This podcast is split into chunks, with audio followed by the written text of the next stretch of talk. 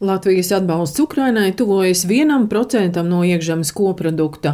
Valsts kancelējas pārstāve Egita Divre stāsta, ka no 650 miljoniem lielākā daļa naudas, vairāk nekā 370 miljoni, ieguldīti militārajā ekipējumā. Tie ir bezpilota lidaparāti, helikopteri, ieroči, ekipējums, munīcija, prettanku ieroči, pretgaisa raķetes, arī degviela. Tas ir tas, ko aizsardzības ministrijā ir no saviem resursiem veltījusi Ukrainai. Kara bēgļiem no Ukrainas sniegta palīdzība 170 miljonu eiro, sākot no pārtiks pakām līdz sociālajiem pabalstiem un līdzekļiem latviešu valodas apguvēji.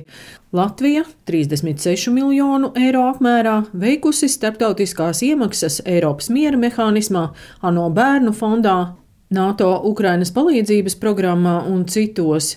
Vairāk nekā 12 miljoni eiro ieguldīti Černihivas apgabala rekonstrukcijā, Ukrainai piešķirta arī humanā palīdzība 48 miljonu eiro apmērā.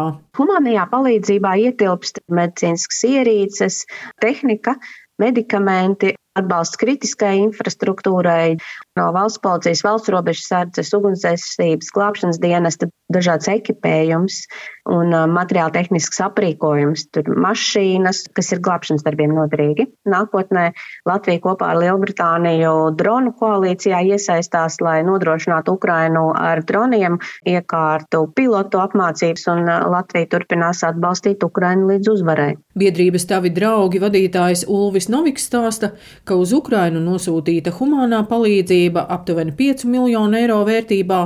Palīdzība sniegta vairāk nekā 45 tūkstošiem ukrāņu bēgļu, lai gan komandas kodolu veido 15 cilvēki no Latvijas un tikpat brīvprātīgie no Ukrainas, biedrības brīvprātīgo skaits sasniedzis 5 tūkstošus. Ulvis Noviks stāsta, ka vienlaikus ziedotājos jūtams nogurums no kara. Lūgt to palīdzību paliek arvien grūtāk.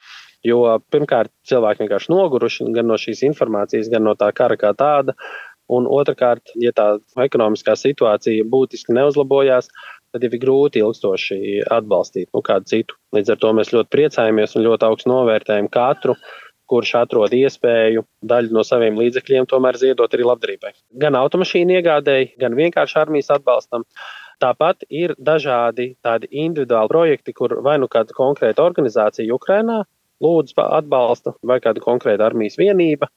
Es varu aicināt, censties darīt visu iespējamo, lai šo karu mēs varētu kopīgiem spēkiem uzvarēt.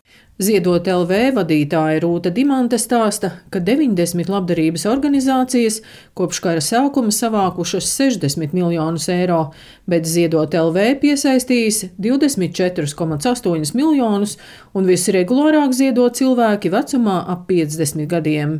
Vidējais ziedojums Ukrainai ir no 20 līdz 50 eiro, ko iedzīvotājs vienā reizē noziedo. Protams, ir iedzīvotāji, kas ziedo katru mēnesi simtos, ir tādi, kas savas dzimšanas dienas dāvanas nodod Ukrainai, ir tādi, kas ir uzlikuši regulāro ziedojumu līdz Ukrainas uzvarai. Nu, protams, ka ziedot tad, kad tu esi parūpējies par savu ģimeni un apkārtējiem, tad tu vari palīdzēt pārējiem.